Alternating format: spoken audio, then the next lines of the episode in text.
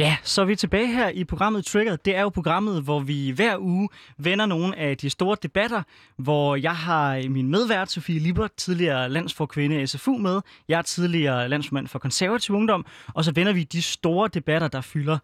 Denne her dag bliver pissefed. Vi skal snakke tysk valg, vi skal snakke Poul Slytter, og hvilken rolle han har spillet. Jeg tror, vi kommer til at få nogle utrolig spændende snakke i dag. Ja, det tror jeg helt klart også. Men øh, inden vi går i gang, så øh, skal vi jo lige kigge lidt på nogle af de ting, vi for to uger siden stod i det her studie og, øh, og troede, vi kunne forudsige. Ja, hvis du skal være helt ærlig, så øh, kunne det være gået bedre. Men det kunne også være gået værre. God pointe. Øh, vi diskuterede øh, sygeplejerskerne og hvad de vil stemme. Der var vi måske lidt øh, for hurtige, tror jeg, fordi... Øh, vi de kunne have googlet. de stemmer nemlig øh, først her, mens vi har det her program. Så når vi er færdige, så ved vi, hvad de har, hvad de, hvad de har stemt.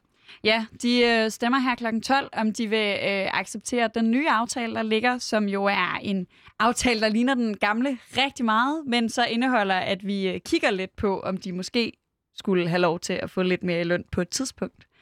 Øh, jeg tror stadig, det bliver et nej, men, øh, men den forudsigelse kan vi jo gemme til senere. Ja, det bliver vel spændende.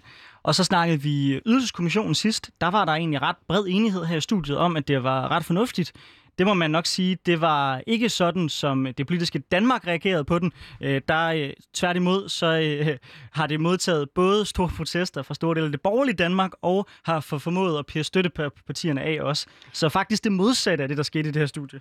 Jamen, jeg tror måske noget vigtigt at have med er, at det, der skete i det her studie, var, at vi havde nogle meget hurtige overordnede øh, sådan, principper at kigge på, og vi vidste øh, rigtig, rigtig lidt om, øh, hvad det reelt ville betyde for øh, folks indkomst. Og noget af det, jeg stadig vil forholde mig meget kritisk over for, meget enig med SF og Enhedslisten øh, om, det er, hvor få børn de kan rent faktisk løfte ud af fattigdom. Vi taler jo om, at der er 60.000 fattige børn i Danmark, og øh, ydelseskommissionens forslag, hvis man bare tog det, det gør man jo heldigvis ikke, der skal forhandles, det ville løfte cirka 4.000 af dem ud af fattigdom, og det er ikke godt nok. Det øh, var en debat, vi så sidste gang. Jeg tænker ikke, vi skal kaste os ud i den igen. I stedet for, så vil jeg bare spørge dig, Sofie, hvad trigger dig? Jamen, øh, det der trigger mig, det er, at den tyske præsident var i Kolding i går. Det er der ikke nogen, der ved. Øh, den tyske præsident var øh, forbi designskolen i Kolding øh, for at tale med nogle af eleverne der. Så havde han et møde med vores statsminister, øh, Mette Frederiksen. Øh, og det har været i præcis nul medier, tror jeg. Den eneste grund til, at jeg ved det, det er, at min mor er venner med, øh, hvad hedder det, rektor på designskolen i Kolding, Lene Tangård. Øh, så, så, og det er jo ikke, fordi jeg er helt vildt vred over, at den tyske præsident var her. Øh, det er jeg overhovedet ikke vred over. Jeg er heller ikke helt vildt vred over, at vi ikke ved det. Men for mig er det symbol, øh, et symptom på noget større, øh, som er, at det eneste medierne interesserer sig for uden for Danmarks grænser politisk, det er amerikansk politik. Hver gang der sker ting med lande, der er tættere på os, som vi har lige så meget øh, samarbejde med, som er lige så relevante, og ofte meget, meget mere relevante for, for os i Danmark, for vores politiske situation, for vores virkelighed, så er det lidt øh, sådan forvist til øh, bagerste side i aviserne, og måske til nørdemedierne, der går meget op i de her øh, sådan specifikt udenrigspolitiske øh, ting. Det ærger mig enormt meget, fordi øh, lige nu er der jo fuld gang i valgkamp i Tyskland. Øh, Merkel skal ikke længere være kansler. Øh, det har hun været al den tid, jeg kan huske. Al den tid, jeg har været politisk bevidst. Det er ikke, fordi jeg har været vildt bevidst om øh, tysk politik, men selv al den tid, jeg har været bevidst om dansk politik, har Merkel været kansler i Tyskland. Og det er ligesom øh, over nu. Øh, og her til efteråret, der skal vi have det helt store valg. Øh, og inden da har der været øh, masser af lokale valg. Senest i øh, Sachsen-Anhalt, og nu siger jeg bare lige, inden vi går i gang med hele det her projekt, at jeg har aldrig haft tysk. Jeg har ikke haft en eneste øh, undervisningstime i tysk, så jeg udtaler alt, som øh, jeg har hørt andre mennesker i radioen udtale det. Jeg taler til gengæld meget pænt fransk, så det kan være, at vi skal lave et program om det en dag. Øh, men ikke desto mindre, så har der været det sidste lokale valg, som var enormt interessant, fordi man faktisk havde øh, var blevet helt nervøs for, om øh, det meget øh, højre nationalistiske parti, AFD, øh, ville øh, være det parti, der fik flest stemmer der. Og sådan endte det bare overhovedet ikke. Øh, de gik øh, meget tilbage, og CDU, som er kristendemokraterne og konservative og Merkels parti, gik rigtig meget frem. Øh, men der er masser af spændende at gribe fat i. Jeg synes slet ikke, vi taler nok om det. Så det, jeg er triggeret over, det er, hvor lidt vi taler om det, men jeg tror, vi kan finde en løsning på det. Ja, og ikke overraskende nok, så er jeg meget enig med dig. Øh, jeg har egentlig altid synes, at tysk politik er vildt spændende. Øh, og det skyldes ikke mindst, tror jeg, at for mig, der er Merkel og CDU, det er lidt et forbillede. Når man har været det der meget, meget lille danske konservative parti, så har det været vildt at se, hvor stor en indflydelse og hvor stor en forskel det tyske konservative parti har kunne gøre, øh, og øh, hvor afgørende de jo er øh, for hele den europæiske udvikling, og dermed ikke mindst den danske. For det synes jeg jo netop, som du, har, øh, som du også siger, er det største problem. Det er, det er nogle gange som om, at alle journalister, de vil bare enormt gerne arbejde for CNN, øh, og derfor så øh, er der, der er ikke noget vildere for dem, end at komme til USA og så stå et eller andet mærkeligt sted ude ved en trailerpark og stå og snakke om, hvor vigtigt det amerikanske valg er, mens at øh, valgene i Frankrig og Tyskland, der har langt større virkning på det, der sker herhjemme, det er sådan noget, det kan man måske sende en journalistpraktikant af sted til. Jeg synes, man burde vente om. Så jeg er meget enig, og jeg glæder mig enormt meget til den snak, vi skal have om det lige nu. Ja, fordi jeg har selvfølgelig inviteret nogen, der ved meget mere om tysk politik. Nu afslørede jeg jo, at jeg ikke engang har haft tysk undervisning i skolen, så jeg ved virkelig lidt om Tyskland. Øh, men jeg har inviteret to gæster med, der ved rigtig meget om Tyskland. Øh, og den første, det er dig, Lykke Friis. Du er direktør for Tænketanken Europa. Øh, føler du også, at, velkommen til for det første, men føler du også, at øh, Tyskland bliver overset i de danske medier? Ja, altså det synes jeg, det begynder at gå i den øh, lidt bedre retning, men det er klart, hvis man ville lave en, en, øh, en optælling der, og så se, hvor meget omtalt det, det amerikanske præsidentvalg øh, fik, og hvor meget det, det tyske valg øh, kommer til at få, jamen så er jeg sikker på, at så, så, så får vi et stolpediagram, der bliver meget, meget lille for den søjle, hvor der står Tyskland ud for. Øh, og det hænger jo sammen med noget, de var inde på, altså med, med den her fascination for USA. Men lad os bare lægge svisken på disken fra starten af, hvad det også drejer sig om. Det drejer sig i høj grad om, at øh, der er ualmindeligt få øh, journalister i Danmark, der kan tysk. Og kan man ikke tysk, øh, så er det altså svært at følge tysk politik øh, så bliver det en andet med, at øh, så kan man kun følge det sådan øh, på, på afstand, altså via man lige skal over Economist, eller man skal over en, en amerikansk avis. Øh, og det er svært, øh, og derfor tror jeg altså, at der er mange, der så kaster sig over simpelthen øh, noget, hvor de kan følge det på, på originalsproget. Og det er altså et akut problem for Danmark, at vi efterhånden er i den situation, at vi ja, faktisk kommer til at mangle gymnasielærer øh, snart, hvis ikke der er flere, der begynder at læse tysk. Det er jo øh, som ikke tysktalende meget enig i. Det har været meget svært øh, at researche særlig meget i dybden til den her samtale. Øh, men jeg glæder mig rigtig meget til at blive meget klogere, fordi vi har også inviteret dig, Lukas Larsen. Du er formand for det udenrigspolitiske selskab U35. Så er du bestyrelsesmedlem i det tyske handelskammer i Danmark. Og så til hverdag, så er du public affairs manager i Rød Pedersen. Det var en masse titler, jeg havde på dig. Øh, savner du også mere fokus på tysk politik i øh, danske medier? Det gør jeg. Øh, det gør jeg absolut. Øh, men for at være helt ærligt, øh, synes jeg også, det er blevet en lille smule bedre i løbet ja. af de sidste par år. Øh, nu, har, øh, øh, nu har jeg ikke kommenteret tysk politik i lige så lang tid, som Lykke Friis har, men, øh, men, men dog i et par år efterhånden. Og, øh, og jeg synes faktisk, der er sket lidt øh, hvis, man, hvis man skal være helt ærlig. Altså valget i, øh, i 2017, og særligt inden da, var vanvittigt underbelyst. Øh, og jeg føler, at de danske medier gør en lille smule mere ud af at dække det nu. Øh, særligt de store. Men øh, jeg har lige, mens, øh, mens I gav den her meget gode indledning, scrollet igennem øh, både Danmarks Radio og TV2, og prøvet at se, hvad der egentlig var til overs af dækningen fra øh, forbundspræsidentens besøg i går i, øh, i Kolding og i Sønderborg. Øh, de har jo været her i, øh, i, i næsten to døgn. Øhm, det er ikke noget. Altså, der er ikke, der er ikke noget, der, der, der er til overs. Og, og, og selv i går, og man kan godt forstå det, øh, jeg skulle have været inde faktisk og kommentere noget om, øh, om det her besøg i, øh, i TV2 News øh, i løbet af dagen, men, men, men så sker der det med Christian Eriksen, som der gjorde øh, dagen for inden, og så er det det første, der ryger i sving. Øh, og det, det, det er okay. Det kan jeg godt forstå.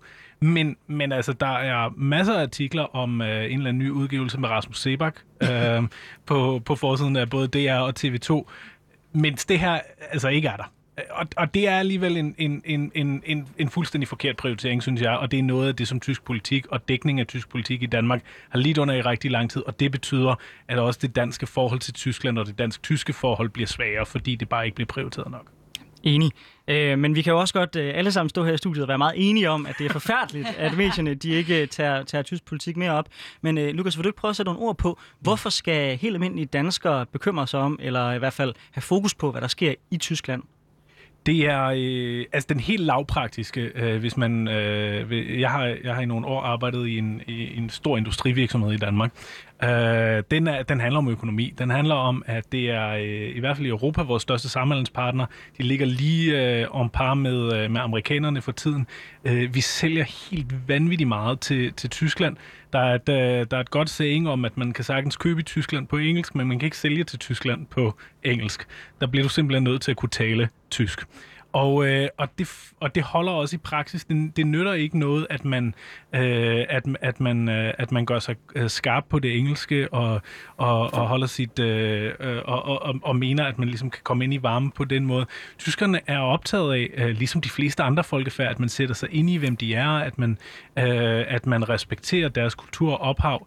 Øh, og, det, og der får vi altså nogle udfordringer, hvis vi ikke, øh, hvis vi ikke snart kommer efter det. Lykke Friis, jeg vil egentlig stille grundlæggende det samme spørgsmål til dig, men øh, i mere konkret grad. Lad os sige, at vi kommer til efter det her valg at se for eksempel en koalition mellem øh, CDU og De Grønne.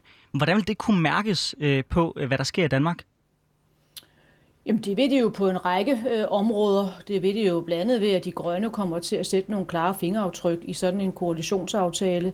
Øh, på det grønne område vil de jo insistere på, at der skal være en nogle styrket øh, reduktionsmål, men jo altså også en omlægning af tysk energipolitik. Der skal simpelthen turbo på den energivente, der har siddet fast i, i, i overvis. Så har man også set det på øh, rumpolitikken, hvor man øh, jo vil se, et, se de grønne øh, presse på, for jeg er ikke sikker, at de får overbevist CDU om det, men det er så noget andet, men altså for at man sådan skal, skal have en permanent genopretningsfond, altså hele den her gigantiske genopretningsfond, man fik oprettet umiddelbart øh, i, i kølvandet på coronakrisen. Man vil have en fleksibel vækst- og stabilitetspagt, det er altså tema temaer, der kommer til at spille en kolossal rolle, også i dansk øh, EU-politik.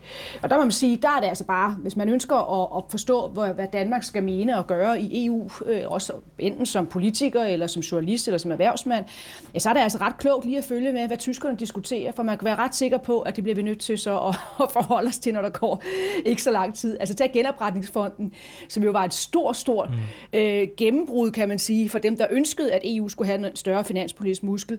Det var jo en, øh, en aftale, aftale, der blev indgået imellem øh, Tyskland øh, og Frankrig, altså Angela Merkel og Frankrigs præsident Macron øh, i, i maj måned. Ingen så det komme, i hvert fald ikke i Danmark, og, og måtte jo så fuldstændig prøve på at finde ud af, hvordan man skulle reagere på, det, på det udspil. Så, så på den måde kan man sige, at man giver sig selv, man bruger det engelske udtryk, en head start, hvis man altså følger med i, i tysk politik. Og netop det her med at følge med i tysk politik, det er jo det, vi skal prøve i dag, øh, og sådan dykke lidt ned i øh, for alle os, eller måske alle dem, nu har jeg virkelig øh, forsøgt at følge med de sidste par dage, mm. øh, men for alle dem, der bare har fulgt en almindelig øh, sådan nyhedsdækning. Fordi det, der sker, det er jo som sagt, at Merkel træder af, Øh, og der er ligesom tre partier den her gang, der har opstillet det, der hedder en kanslerkandidat. Øh, og det ene er jo selvfølgelig Merkels eget parti, og de har opstillet øh, kandidaten, og nu bliver det igen mig, der udtaler noget på tysk, men Armin Laschet. Øh, han er, så vidt jeg kan se, øh, lidt en kedelig grå mand. Øh, men øh, jeg faldt over noget meget interessant, øh, som var, at du, Lykke Friis, du skrev i april, at øh, hvor meningsmålingerne styrtdykkede, efter man havde valgt ham som kanslerkandidat, at, øh, det, at det kunne godt være, at de gjorde det, men at han har det med at gøre comeback. Og når jeg kigger på meningsmålingerne fra de sidste par uger, så ser det jo faktisk ud til, at han er ved at gøre det comeback. Øh, føler du, du har forudset det store CDU-comeback? Ah, jeg vil sige, det der var en relativt safe analyse, men, men igen, øh, så er det jo, hvis man, hvis man der følger også lidt folkestemning i Tyskland, og forholder sig, hvad tyskerne tænker. Jeg synes, der er nogle gange tendens til, når, når, når, når, når nørder så herhjemme begynder at diskutere Tyskland, så går det meget ud af, hvad, hvad de selv ønsker, hvad de synes, Tyskland bør gøre. Øh, og nu skal der ske noget mere i Tyskland og så videre, måske også, for det kan blive mere interessant at følge. Men altså helt grundlæggende, så er tyskerne altså en nation, der er meget øh, risikoresistente. Øh, det er stadigvæk øh, Konrad Adenauers gamle slogan for 60'erne, keine eksperimente. Det var hans store valgplakat, og Konrad Adenauer, det var ham, der var, var Vesttysklands første kansler øh, umiddelbart efter krigen og regerede så i mange år. Og, og derfor er det næsten at våge sig ud i noget helt nyt, øh, som at, at få en grøn kansler, altså en grøn kansler fra de grønne, Grønne og gøre dem til største partier, og så en helt ny slags koalition, måske med Socialdemokraterne øh, og, og, og de, de stærkt venstreorienterede, altså de linke. Det tror jeg som i sidste instans, tyskerne ikke vil ture at gøre, og det synes jeg også, man kan se nu i, i målinger. Man kan se, nu går det også bedre i Tyskland med udrulling af vaccinerne.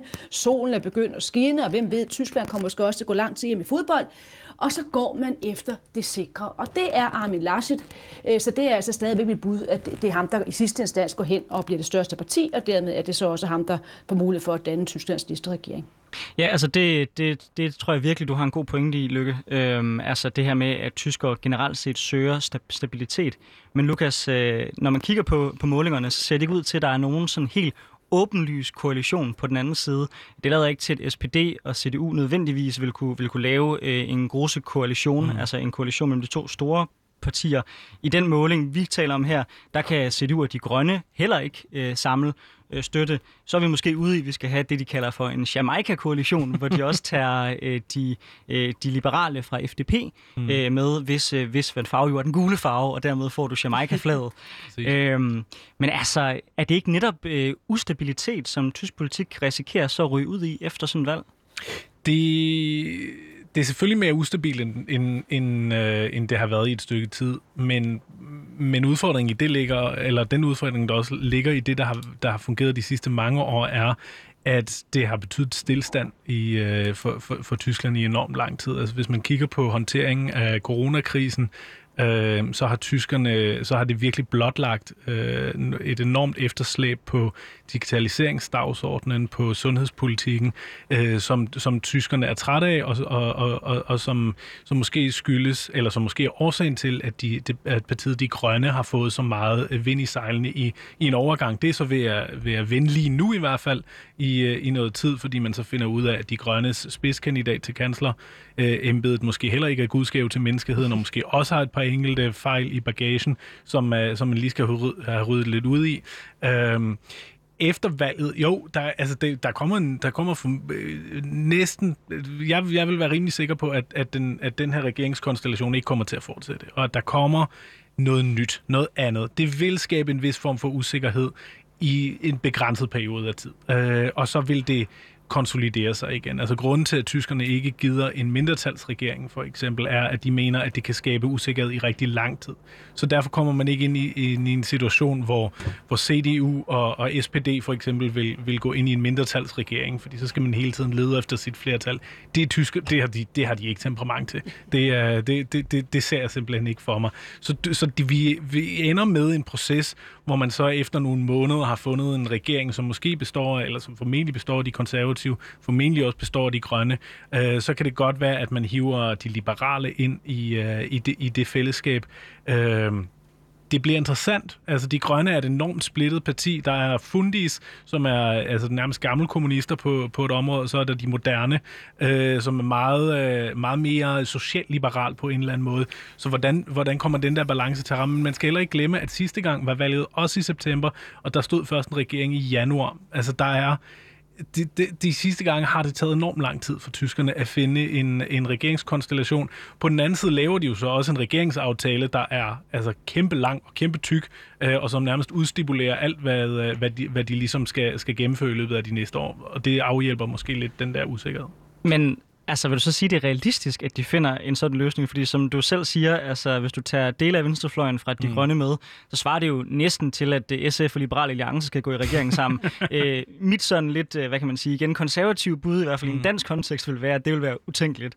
Det er, det, i, i, den dansk, i en dansk kontekst er jeg meget svært ved at se det, men jeg har meget svært ved at se et alternativ i Tyskland. Øh, og det er, øh, nu, nu har tyskerne for nogle år siden øh, været meget præget af ordet alternativlos, altså at der ikke er et alternativ, og jeg har meget svært ved at se et alternativ til en øh, konservativ grøn regering, og så måske med, med et andet islet, for at være helt ærlig.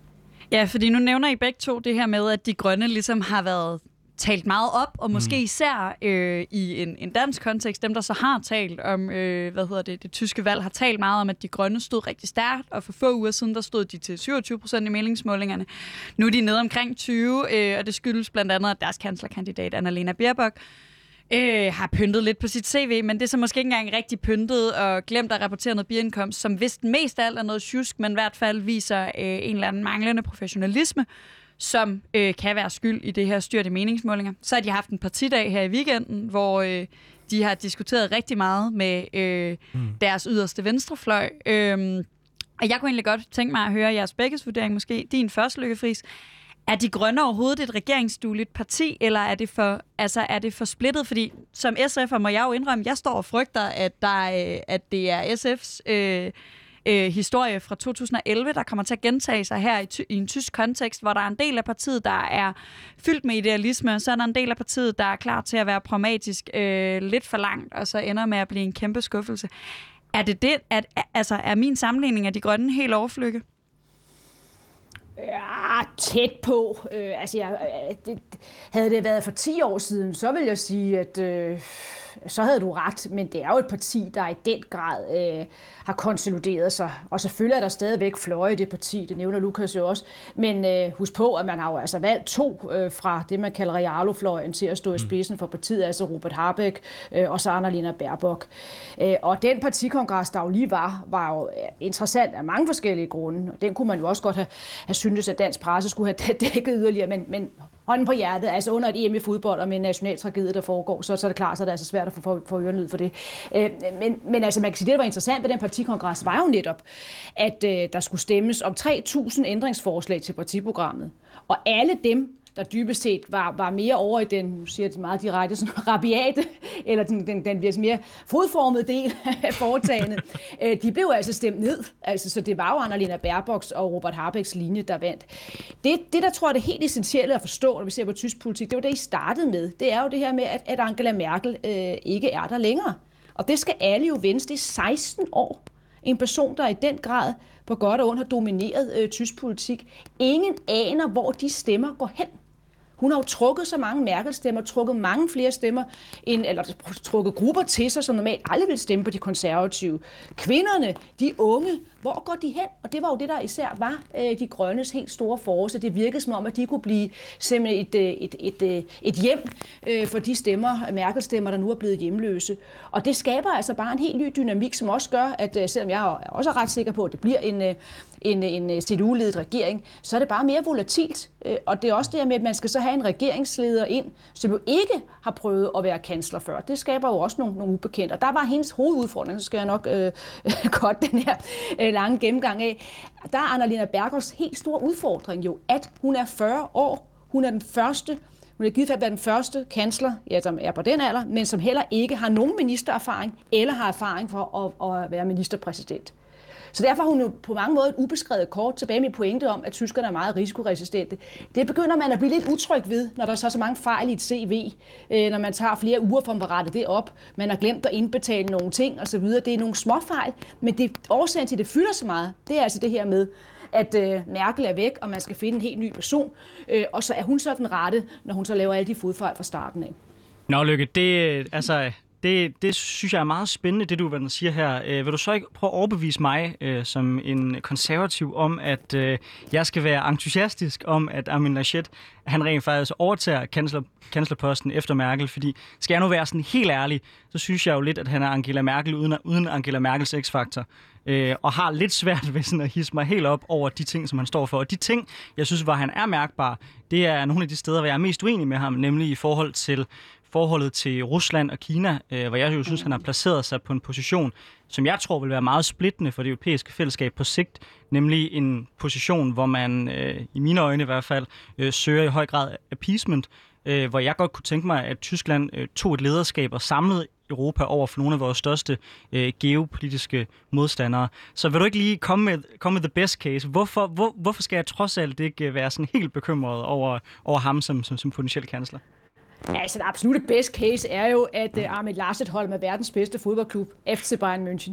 Altså, det må være rigeligt til at overbevise hvilke personer, om man skal synes, at Armin Laschet han er cool.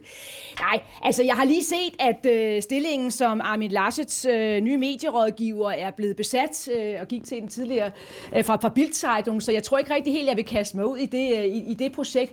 Men, men, men mere seriøst, altså alt det, du siger der, øh, måske ikke lige omkring det med Rusland øh, og Kina, sagde man jo også, da Angela Merkel hun blev kansler. Altså, i 2005 drejede hele debatten som, at Angela Merkel var kedelig, hun var ukarismatisk. X-faktor var overhovedet ikke et ord, du kunne komme i nærheden af Angela Merkel. Altså, og, og tilsvarende, så vil det jo også være sådan her med Ahmed Larset, at han skal vokse ind i rollen, man skal lære ham at kende, og så vil han selvfølgelig også udvikle noget mere profil. Men her nu, der er det rigtigt nok, der er han nok ikke sådan en, der, der hvad hedder det, øh, som man siger på tysk, skriver træerne op og, og bliver, er, er voldsomt, hvad hedder det, øh, karismatisk. Men igen, er det det, tyskerne vil have? Nej, det tror jeg sådan set ikke. Og det, som han kan, det han kan samle, det har han vist gennem hele sin politiske karriere, og så tror jeg altså, at han vil være stand til så at få en regering til at fungere med de grønne. Og det er jo vigtigt, fordi selvom jeg jo nu svarede lidt, lidt hurtigt og lidt hårdt på, på Sofies, ah, hurtigt var det ikke, men, men måske hårdt på Sofies spørgsmål, ja, ja, de der, de der spændinger i de grønne, dem var de, dem var de over, så har de jo selvfølgelig stadigvæk nogen, og det vil han være, det vil han være den der manager-type og kompromismager, der vil være i stand til at håndtere. Øh, så mm. derfor tror jeg sådan set egentlig, at han vil, være, vil kunne løfte den opgave. Men forvent ikke, at han holder store fængende taler, men det har Angela Merkel altså heller aldrig gjort. Og hvad med hans udenrigspolitik? Ah, altså der vil jeg sige, at han har kommet med nogle udtalelser, som har taget, jeg vil ikke sige, at det har taget en sammenhæng, men som har fået ret meget omtale om hans forhold til, hvad hedder det, til, altså hvor han nærmest lød som en Putin-fasterer, øh, altså en, der... Han har jo nærmest der, et Schrödersk forhold til Ja, præcis, ja, ja, ja, absolut, ja, ja.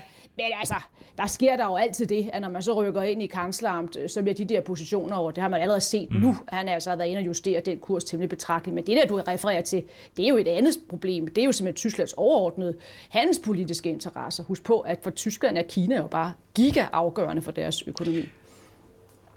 Og dertil, altså hvis vi skal blive det udenrigspolitiske, og det kan vi jo altid godt lide, øhm, der, der skal man så også lige huske, at G7 her i løbet af weekenden indgik et initiativ til at få stoppet øh, Kinas Belt and Road-projekt. Øh, stoppet og stoppet, men i hvert fald få modgået Kinas Belt and Road-projekt. Et initiativ, der jo også er drevet af tyskerne. Så det kan godt være, at Armin Laschet har en, en udenrigspolitik, der er øh, mere Rusland- og Kina-venligt end, øh, end, end, end for eksempel en, en amerikansk øh, leder har. Men der skal man også huske, huske Tysklands historiske position, hvor man altid har, i hvert fald over for Rusland, har set sig som et form for bindeled, øh, sådan en, demok- øh, en, en diplomatisk øh, åben dør, mens, eller bagdør, men, mens alle andre døre var ved at blive smækket, for at sikre, at den her dialog mellem Rusland og, og, og, og Vesten ikke sandede fuldstændig til. Det kan man så være fuldstændig uenig i, og man kan, og man kan argumentere for, at det er øh, at det er problematisk, og det undergraver også det værdifællesskab, som EU baserer sig på. Men, men alt andet lige er det ikke noget nyt, øh, at, øh, som, som Laschet står for her. Det har, altså nu, øh, nu koketterede jeg lige øh, tidligere med, med Gerhard Schröder, men det har, det har ikke mindst Gerhard Schröder, men også øh, kansler inden ham øh, stået for den her, den her linje. Så der er, der er Laschet i virkeligheden øh, bare en forlængelse af historien. Ja, og der vil, der vil mit counter jo være, at vi har ikke brug for en forlængelse af den historie, vi har været igennem, fordi den periode, vi går ind i nu, den bliver fuldstændig afgørende. Mm. Øh, og, og jeg synes, at hvis, hvis ikke Tyskland, de netop formår at samle øh, Europa om en mere øh, klar, mere værdiladet udenrigspolitik, så har jeg svært ved at se efterhånden, øh, hvad det er, der samler EU mere, end at vi så bare er en fælles handelsblok. Og det kan også være fint nok, at, at vi er det. Mm. Øh, men jeg tror ikke, at spørgsmålet om Kinas indflydelse i Europa øh, og rundt øh, blandt, blandt øh, altså sådan bredt på, øh, på kloden bliver mindre. Jeg tror heller ikke, at Rusland holder op med at rasle med sablen. Så hvis man sådan bliver ved med at sidde fast i, i en udenrigspolitik mm. fra nullerne, så, så, så bliver differencen mellem virkeligheden øh, øh, og den politik, man har, for mig at se større og større. Men jeg hører, hvad du siger. Jeg hører, hvad du siger. men, men Anders, der kan du, der kan du, nu du desværre jo går ud fra ikke tysk, tysk statsborger, men, øh, men alligevel bare, bare ligesom, øh, men, men, men pointen her er jo netop med hensyn til det tyske valgsystem, som ikke alle ved, det er, at man har jo to stemmer. Man mm. har en første stemme og en anden stemme. Så hvis du nu var tysk statsborger, så var du rimelig klart, kan jeg fornemme, hvad du skulle gøre. Så skulle du stemme på CDU, og du skulle også stemme på de grønne. Fordi så vil du få noget af det, du gerne vil have. Fordi hvis man lytter til, Anke, til, ikke Angela Merkel, Freudian slip, hvis man lytter til Annalena Baerbocks tale her i weekenden, så kommer hun jo præcis ind for det, du mm. efterspørger. Hun siger jo netop, skru bisen på over for Kina, skru bisen på over for, for Rusland, øh, kæmp for de europæiske værdier. Hvis ikke vi gør det, hvis ikke vi på en eller anden måde i fællesskab får generobret noget, noget, noget europæisk suverænitet, fordi det kan Tyskland ikke gøre alene, de vil gå gøre i fællesskab med resten af Europa, så er der andre, der kommer til at, at løbe med dagsordenen på verdensplan. Så der har du sådan set et meget godt bud på, hvordan den kunne skæres, altså en CDU-CSU og grøn regering, så kan du også få rykket tysk udenrigspolitik i den retning, du gerne vil. Og og Lykke, det er præcis min, min, min, min drøm, at det kommer til at ske, som, som du siger det. Så jeg, jeg, er, jeg er enormt glad for, at du bare bekræfter mig i det, det jeg skal hæppe på. Det lyder godt. Vi har talt rigtig meget om, om to kanslerkandidater lige nu, men der er jo en tredje. Ja. Øhm, og jeg tænker, Lukas, du er jo... Øh, Ham, du, ham klarer Lukas. Jamen, det er det, jeg tænker, fordi Lukas, du har jo tidligere været rådgiver for Jeppe Kofod, så du har arbejdet en del med europæiske socialdemokrater og sådan noget. Det må man sige. Øh, hvad med ham der, Olaf Scholz? Hvorfor taler vi overhovedet ikke om ham? Altså for det første synes jeg, at i forhold til, at du ikke taler tysk, så er du ret god til de her navne. Tak. Jeg er virkelig glad for, at du siger, ja. Altså, jeg, ja, det, det, ro, der, roses, hvem roses spørger. Øh, det, det, det, den del spiller. øh, jamen, Olaf Scholz... øh, Olaf Scholz ville være en fremragende øh, kanslerkandidat for SPD, hvis SPD var blevet enig med sig selv om, hvad for en linje man egentlig skal føre. Øh, det tyske socialdemokratis helt store udfordring i virkeligheden siden slutningen af Schröder øh, og Schröder-æren er, at man ikke ved, hvilket ben man skal stå på.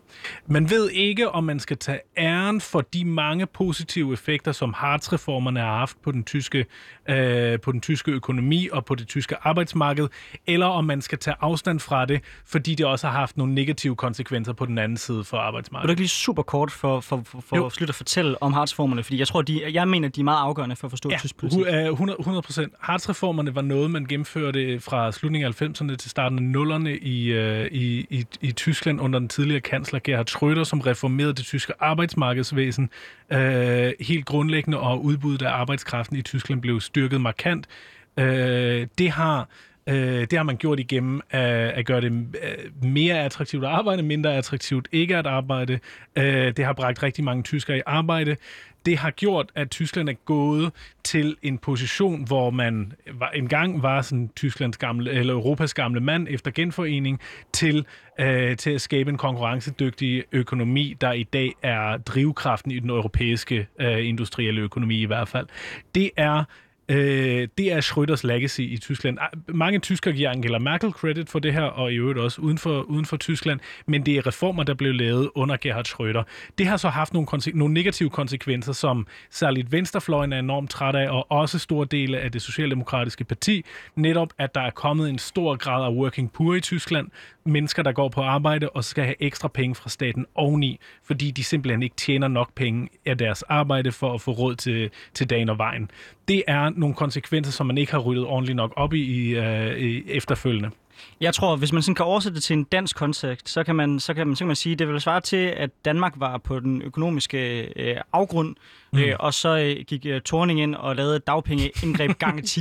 Altså, øh, og, og, og, og som, som jeg ser det, så ligger en mm. høj grad af, af SPD's udfordring i det, at de er blevet presset i forhold til deres Ja. venstre base, øh, også de linke, øh, som er deres, det er deres svar på enhedslisten, som groft sagt, man kan sige det sådan, øh, på den ene side, og at de så bliver presset af Alternativ für Deutschland, som er sådan, hvad kan man sige, øh, de arbejdervælgere, som gerne vil have en hård indvandringspolitik, så, så de bliver sådan lidt presset fra begge sider. Det gør de, Og, og, og hvad skal de gøre ved det? Jamen, altså, de skal i hvert fald ikke gøre det ved det, som de har gjort. øhm, altså, det de, har, det, de har valgt at gøre, eller det, som de er kommet frem til på en eller anden mærkelig måde, det er, at nu har de en kanslerkandidat, der er stolt af Schröders reformer, som er, øh, som er økonomisk ansvarlig, øh, tror jeg, man vil kalde det i, i, i, i tysk politik.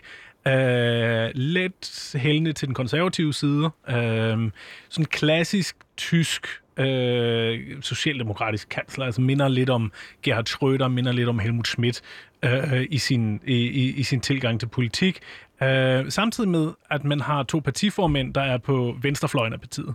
Så, så tyskerne er fuldstændig i tvivl om, inklusive mig selv, hvad står partiet egentlig for? Altså er det et, et højrefløjs socialdemokratisme, eller et venstrefløjs socialdemokratisme, man, man, man stemmer på her? Og der er ingen rigtig, der har et overblik over, hvad man får efter valget, når man nu stemmer på det her parti. Og de kan ikke komme med nogen svar. Og, det, og jeg, har, jeg har stadig ikke i månedsvis set nogen svar på nogen større øh, spørgsmål. Det er meget interessant, og, og mange af de ting, vi taler om lige nu, oplever jeg som værende meget sådan, øh, strategiske i virkeligheden. Mm. Det handler om, øh, hvad hedder det, forskellige konflikter i partier, det handler om at pynte på CV, det handler om det ene og det andet. Jeg kunne godt tænke mig at stille øh, dig, Lykke Friis, et spørgsmål. Som, fordi i 2019 vil jeg sige, at vi i Danmark havde et klimavalg. Hvad bliver det for et valg i Tyskland? Er det et klimavalg? Er det et coronavalg, ren og skær? Er det et øh, bevare industriarbejdspladser valg, hvis man kan... Altså, hvad er den helt store... Hvad er din oplevelse af den helt store politiske dagsorden, der flytter stemmer lige nu i Tyskland? Hvad er det? Jeg tror, det er en kombination af klima og corona, øh, der kommer til at spille en helt central rolle. Øhm, Altså det udenrigspolitiske, let's face it, det spiller også sjældent en stor rolle i en, tysk valgkamp. Det gør det jo heller ikke herhjemme. Altså, mm. Så det bliver det, bliver det øh, de to temaer. Men så simpelthen også bare, hvem har man tillid til, øh, kun understrege endnu en gang på afgørende, det er, det er 16 år. Du startede jo også selv med at sige, altså man kan jo dårligt huske det, øh, fra, hvordan hun blev, blev kansler. Jo havde skulle lede en debat med, med statsminister Mette Frederiksen for nogle måneder siden, hvor jeg sagde, at du klar over, at, Mette Frederik, at, at du kom i Folketinget samme år, som, som Merkel hun blev kansler. Altså, det, det er jo simpelthen en, en æra, øh, vi, vi taler om her. Så, så det vil spille en meget stor rolle. Hvem har man i sidste instans tiltro til? Der er det også vigtigt for forståelse. sidder måske nogen og lytter nu og tænker, nu vil de noget helt andet, fordi nu skal, nu skal man, nu har man man haft hende i 16 år, så kaster man sig ud noget, hvor man prøver nogle helt nye ting af. Nej, det her valg, det er faktisk allerede også gået hen og blevet en konkurrence om, hvem er mest Merkel. altså selv Markus Søder, ham vi ikke har nævnt nu, ham ministerpræsident nede i Bayern, der troede, han kunne blive øh, kanslerkandidat for CDU-TSU. Altså han kørte jo sådan en jeg mere Merkel, en, en, en Laschet-kampagne, øh, da, da, da de duellerede. Og Olaf Scholz, altså han er jo dybest set en, en mandlig udgave af, af Angela Merkel. Altså han skulle bare lige overtage, han skulle have lidt mere hår, så skulle han overtage nogle af hendes farvede jakker øh, sådan hjemme. Øhm, og så kalder han det socialdemokratisme, ikke? Ja, ja, altså, altså det, det er jo... Men, men, men hvis man så skal gå et skridt videre, så kan man jo sige, sådan set fra en dansk synsvinkel, så kan man jo egentlig være relativt afslappet. Fordi det bliver et stabilt Tyskland, det bliver et Tyskland, hvor, hvor der bliver en flertalsregering. Det bliver også et Tyskland, hvor der kommer til at ske nogle forandringer, fordi vi kan jo allerede nu se, at den nuværende regering ikke, ikke bliver genvundet, øh, ikke, ikke genvinder magten. Og endelig, så vil det jo altså også være et Tyskland, man kan have tillid til. Der er jo ikke nogen af de her, der ønsker for eksempel at kaste den europæiske europolitik øh, over kurs, eller, eller ændre den markant, eller ændre udenrigspolitikken markant. Øh, så på den måde vil det jo være falæstligt, altså nogen man, kan, nogen, man kan have tiltro til at fortsætte et godt samarbejde med. Og det er jo sådan set en meget god nyhed, selvom måske ikke er så sexet. Ja, øh, meget interessant, men jeg synes virkelig, det er interessant, at, at tillid er, er så stor en faktor, at det måske netop ikke er de store politiske spørgsmål, mm. men, men vil du også sige, det er corona og klima, øh, der, altså når vi så kigger på politikken? Ja, corona i den forstand, at det også kommer til at være øh, konsekvenserne af det, vi har lært i corona. Ja. Øh, digitalisering, som jeg var inde på tidligere, kommer til at blive opprioriteret i Tyskland. Øh, øh, helt massivt efter det her. Øh, der er masser af tyske børn, der ikke rigtig har haft undervisning i hele den her periode, øh, fordi, de, øh, fordi der ikke var noget infrastruktur til stede. Jeg hørte, at øh, først fra i starten af i år blev det øh, blev det kontraktuelt forpligtende for lærere i, i delstaten Berlin at have øh, en e-mailadresse. De har ellers modtaget alle deres arbejdsrelaterede korrespondence med arbejdsgiveren på post. Øh, altså, det, det, der, der, er, der er et seriøst efterslæb øh, på, på, på den her dagsorden i forhold til, at det er øh, et af verdens førende industrisamfund. Øh, det kommer helt klart til, til, til at spille ind. Og det er også relevant for Danmark, altså fordi her har vi nogle løsninger at spille ind med øh, til, øh, til, til et gigantisk stort marked, som, som vi kan profitere og på samme måde med den grønne omstilling. Øhm, omstil, øh, den grønne omstilling af, af bilindustrien er, går mega hurtigt lige nu i Tyskland. De øh, spytter ud med nye øh, elbilsmodeller, de, øh, de tyske bilproducenter. Det har været godt for dem at blive presset af den her dieselskandale, som de har været igennem. Og det har været rigtig godt for dem at blive presset af Tesla og, og nogle af de her virksomheder, som, som, har, øh, som har givet dem baghjul i nogle år. Men nu viser landet også, at man er en stor industri, øh, industrination, og hvis man gør sig umage, så kan man virkelig rykke hurtigt. Det er nogle af de dagsordner, som kommer til at fylde i valgkampen, og som kommer til at fylde i løbet af de næste fire år. Det er godt for Danmark. Ja, øh, og altså, jeg, jeg er ret chokeret de gange, jeg har været i Tyskland over, hvor langt bagud de er med digitalisering. Så når du beskriver det sådan her, så vil jeg sige, det lyder da egentlig meget godt. Altså, et mere digitaliseret Tyskland, et grønnere Tyskland, og hvem ved, hvis Lykke får ret, så også, øh, så, så også et mere, hvad kan man sige, øh, værdiorienteret udenrigspolitisk Tyskland. Altså, øh, jeg synes, det lyder ret fedt. Samme her. Hvad siger du, Lykke? Er du enig i min, i min, i min analyse? Jo, jo, altså jeg hører også dem, der, der, der siger, altså lad du være med at hype Angela Merkel fuldstændig uhemmet og sige, uh, du braser alting sammen. Gud gør det der ej. Altså selvfølgelig vil Tyskland jo også være stabil, og, og vil Tyskland jo også være, være i stand til at forny sig, øh, når, når hun ikke er der mere. Øh, mm. Så er det klart, der kan være mange topmøder, man nok vil tænke tilbage på, det var meget rart, da hun var der. Men det må man jo ligesom om leve med. Alting, alting, har, alting har sin ende, også, også Angela Merkel. Men lige med hensyn til digitalisering, det er jo fuldstændig rigtigt det, som, som Lukas siger. Øh, Øh, og man kan jo også være rystet over for eksempel sådan noget som øh, vaccineudrulning i Tyskland. Altså årsagen til, at det har gået langsomt i starten, det er jo, at de ikke har noget nationalt vaccineregister. Der er ikke noget, der hedder sundhed.dk eller nem ID. Alt det, der vi, vi andre jo er opvokset, jeg i hvert fald ikke, men så det er for gammel til, men hvad venner os til at bruge. Det har man jo ikke i Tyskland. Men bare et godt råd til, til lytterne, at man forvirret over Tyskland, så skal man altid bare have én default, og det er tysk historie. Når man står og bliver forvirret, tænk altid tysk historie. Hvorfor har de ikke nogen digitalisering? Hvorfor er de nervøse over at bruge kreditkort? Historie, det er fordi, de husker dengang, de blev overvåget, de husker nationalsocialisme, mm. de husker Stasi-tiden, ergo så skal man ikke gå den vej, eller være bekymret for det. Hvorfor vil de ikke danne nogen mindretalsregering? Tilbage til historien. De forbinder stadigvæk mindretalsregeringer med Weimar-republiken, og det førte ifølge dem til nationalsocialismen, ergo ikke nogen mindretalsregering. Så det tror jeg er måske meget godt råd at give hele tiden huske, at det er der, hvor tyskerne kommer fra. Og hvorfor siger de stadigvæk Nord Stream 2-ledningen, selvom nogle andre kan synes, det er helt vanvittigt? Jamen, hvad sagde Frank Walter Steinmeier, ikke da han var, ikke da han var i Danmark, men, men for nylig, da han udtalte sig om det? Han sagde, jamen altså, tyskerne, jamen, de har jo altså 20 millioner øh, russere på samvittigheden fra 2. verdenskrig, ergo øh, så har tyskerne altså bare en særlig måde at skulle håndtere øh, udenrigspolitiske temaer på. Slutspunkt. Altså, så, så, så der er altså bare noget her med, med tysk historie, som man skal huske som sit, som sit default. Det synes jeg er et helt vildt godt råd at tage med, når man skal forstå Tyskland. Og tusind tak, øh, fordi I ville diskutere det her med os. Øh, nu siger vi tak til dig, Lukas, øh, fordi du ville være med herinde. Øh, det har været en stor fornøjelse øh, at blive meget klogere på Tyskland sammen med jer.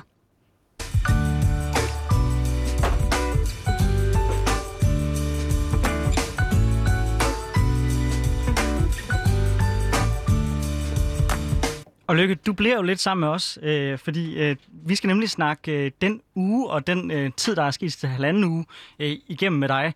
Øh, og jeg giver lige sådan en lille baggrundsinformation til øh, lytterne. Øh, jeg var for nylig til Copenhagen Democracy Summit med øh, netop Lykke, hvor jeg er totalt fangirlet og fik lov til at få taget et selfie. Så hvis der er nogen, jeg gerne vil snakke dansk politik igennem med, så er det jo næsten dig, Lykke.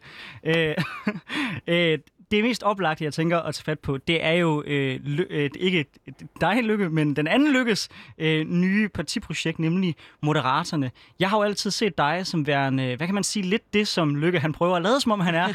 øh, nemlig øh, sådan, hvad kan man sige, det, det, det fornuftige centrum højre.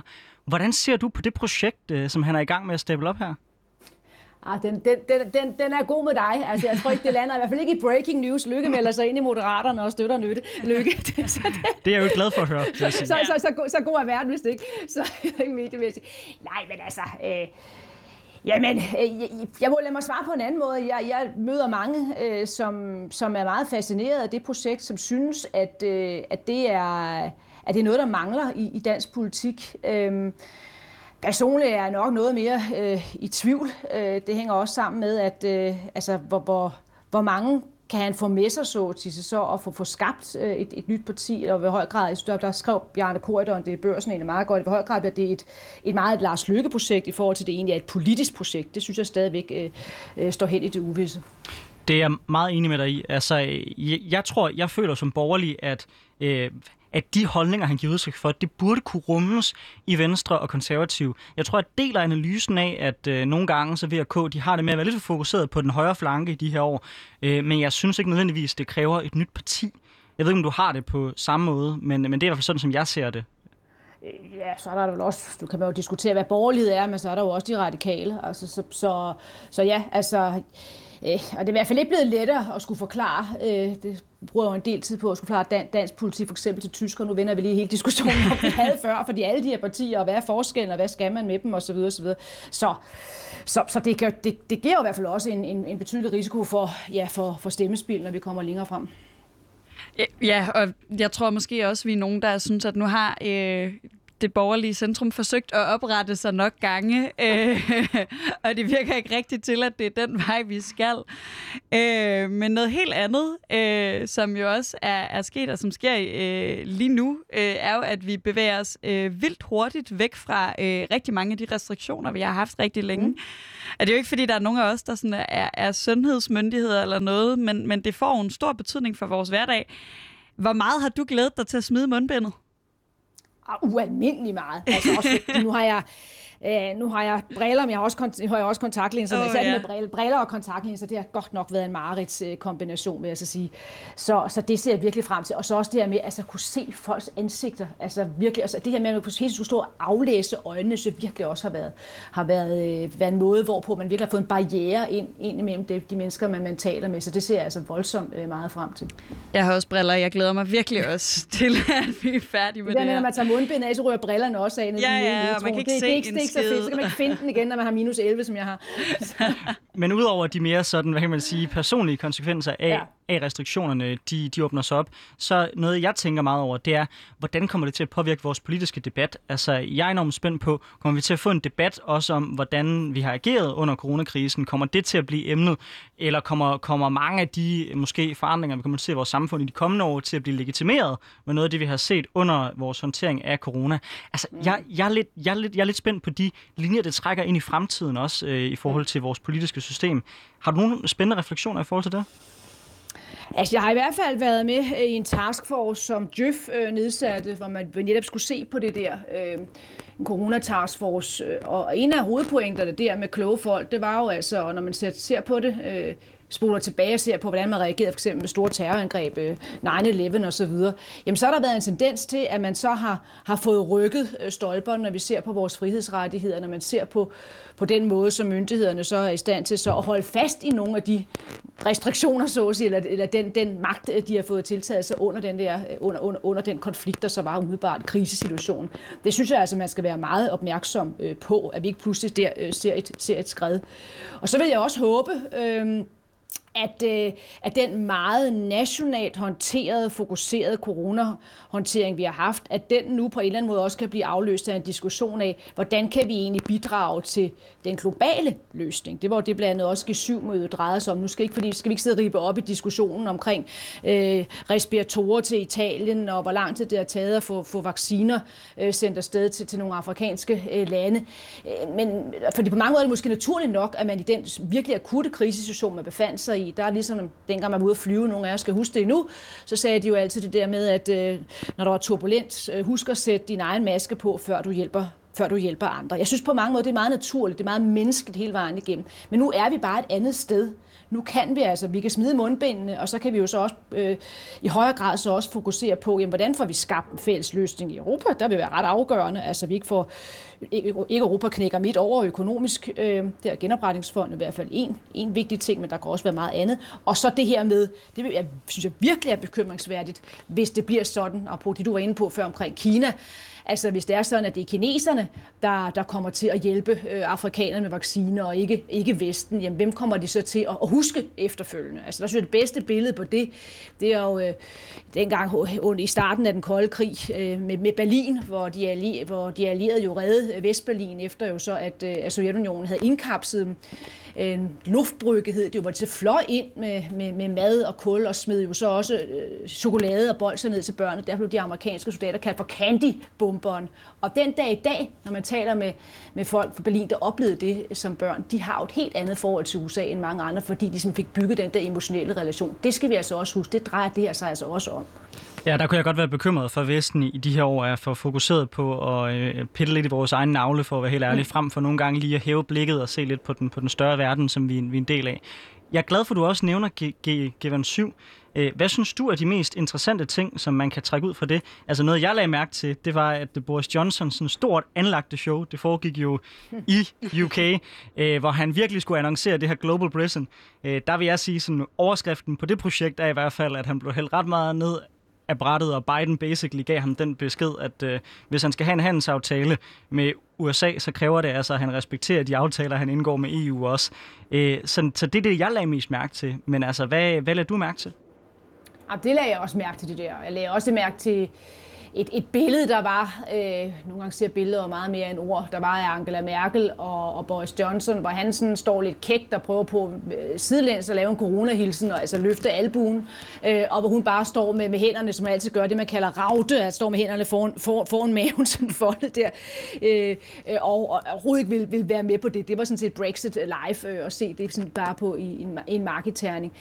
Øh, men jeg lagde også mærke til, at det var vanskeligt, øh, man, man kommer et godt stykke med, med vaccinedonationerne, men læg mærke til, at man, havde, man kom ikke rigtig op på det der på milliarden, som man egentlig troede, man komme op på, og så skal man, skal man også huske, at det tager lang tid, før man donerer de, de vacciner. Det er jo bare ikke her nu, det er først på et senere tidspunkt, det er jo her nu, de har brug for dem øh, i den grad. Så det lader jeg mærke til.